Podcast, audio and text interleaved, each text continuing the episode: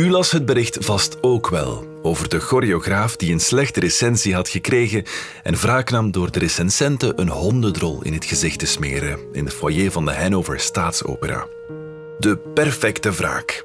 Maar voor onze columnist Wouter de Pre gaat dit verhaal nog niet ver genoeg. Want deze performance van de miskende choreograaf en zijn recensenten mist nog iets. Een recensie. Een recensie van de wraak om de slechte recensie.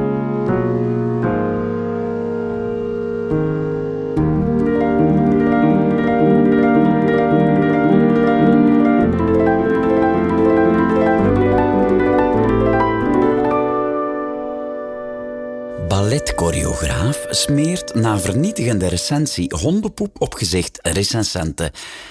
Ach, natuurlijk klikte ik ook. Wat een lekker bericht. Perfect samenvatbaar.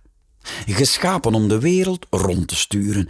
Je ziet het beeld dadelijk helder voor je. Choreografen en recensenten behoren tot een wereld die als elitair wordt gezien, dus we krijgen de zalvende voldoening van schadevreugde, dat hoogopgeleide zich als peuters gedragen. Ook is er dat hilarische contrast tussen de hogere emoties die in de kunsten met diepgang behandeld zouden worden en de platte frustratie van waaruit de aanval kwam. Alleen, je voelt je vies na het lezen van zo'n bericht. Het houdt je niet tegen om de ketting van berichten die erna komt gretig aan te klikken over geen excuses, halve of hele excuses en tenslotte het ontslag. Dan pas besef je weer dat sensatie zoveel minder voldoening geeft dan originaliteit.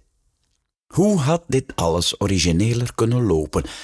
Misschien had de recensente ook de aanval van de misnoegde choreograaf kunnen recenseren. Ik schrijf er hier graag een mogelijke versie van. Recensie. Wat? Aanval met hondenpoep door choreograaf Marco Geuke op mezelf, Wiepke Huster. Waar? Aan de toog in de foyer van de Hannover Staatsopera. Ons oordeel 1 op 5 drolletjes.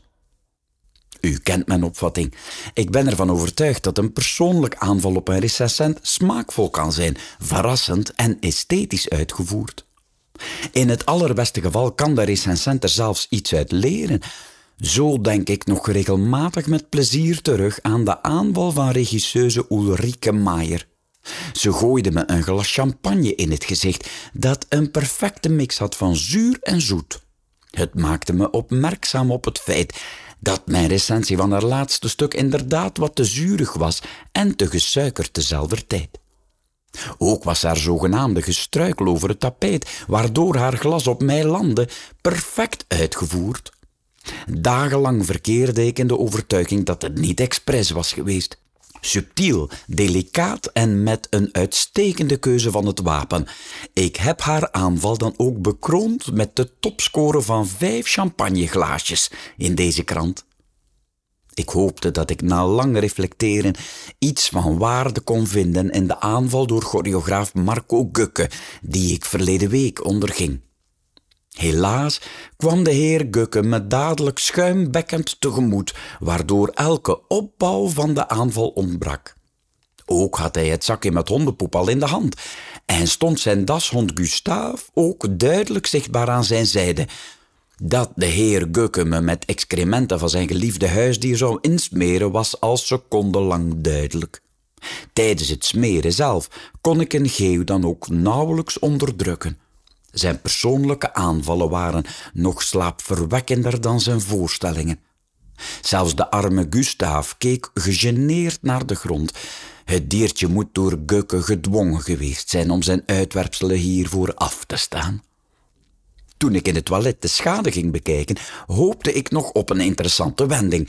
Had Gukke in poep een persoonlijke boodschap op mijn voorhoofd geschreven? Zou er in spiegelschrift om me ultiem te vernederen voor mijn omstaanders op mijn voorhoofd trut geschreven staan.